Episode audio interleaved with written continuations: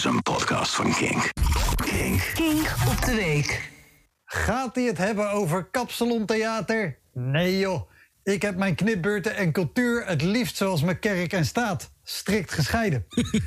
ik moet het haast wel hebben over The Voice.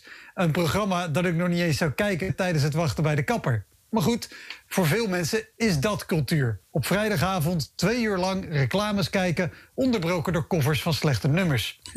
En een aantal vrouwen durfden het aan om zich uit te spreken tegen het seksueel grensoverschrijdend gedrag en misbruik door voice-medewerkers. Te laat, volgens cynici.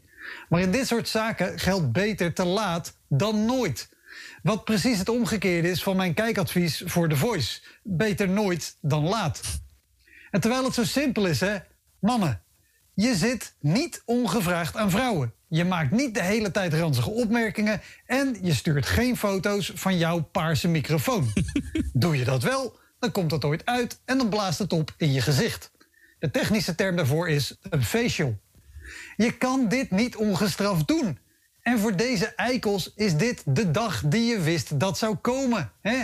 Drie vingers in de lucht, de wee van waarom doe je dit? En van waar zijn die andere twee vingers? Heeft iemand gecheckt of Beatrix oké is? Oh. Want we vonden het allemaal super tof toen Ali haar die knuffel gaf. Maar voor hetzelfde geld zat hij ondertussen aan de poort van haar paleis Zuideinde. Voor Intimi beter bekend als het Feestpaleis. En met alles wat we nu van slachtoffers horen... is Max Verstappen laatst nog goed weggekomen... met alleen een hakkelige freestyle. Kijk, ik zeg niet dat Ali een slechte rapper is... maar hij is de enige die onschuldig probeert te rijmen op verkrachting. En ik weet het, het is niet eerlijk om iemand te veroordelen... voordat een rechter dat heeft gedaan. Maar dat is nou juist het punt met dit soort zaken. Het is voor slachtoffers ongelooflijk moeilijk om zo'n zaak hard te maken. Iets waar de daders dan weer geen enkele moeite mee hebben. Dus wil je als man vermijden dat je überhaupt in zo'n situatie komt, dan is het simpeler dan een rijmschema van Ali B. Nogmaals, je zit niet ongevraagd aan vrouwen. Je maakt niet de hele tijd ranzige opmerkingen. En je stuurt geen foto's van je paarse microfoon met als bijschrift: Weet je wat goed is voor je stembanden? Seksueel grensoverschrijdend gedrag is als een historische citytrip boeken naar Lelystad. Je voelt echt wel dat je fout zit. En Tijdens de audities staat er in de coulissen een clubje vrienden en familie mee te luisteren. Om de indruk te geven dat het zo'n sympathiek programma is. Hè? Wat lief, ze mogen hun vrienden en familie meenemen.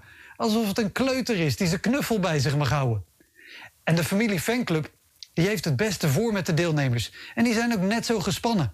En omdat ze eruit zien als jij en ik, gaan wij ons thuis spiegelen aan hun emoties. Oh, wat een televisie! En ze komen gratis naar de studio. Dus er hoeft geen cent van de advertentieinkomsten naar die stakkers. Die weten niet eens dat de knuffels backstage enkel voor leuters zijn. Slim bedacht, John. Een programma dat deelnemers uitbuit op het gebied van talent, familie, vrienden, vertrouwen en seksualiteit kunnen we missen als kiespijn. Weet je wat ik wil zien? Hetzelfde decor, zelfde deelnemers, zelfde familie fanclub, maar dan zien ze wat voor beschamende bullshit hun geliefde moest doorstaan.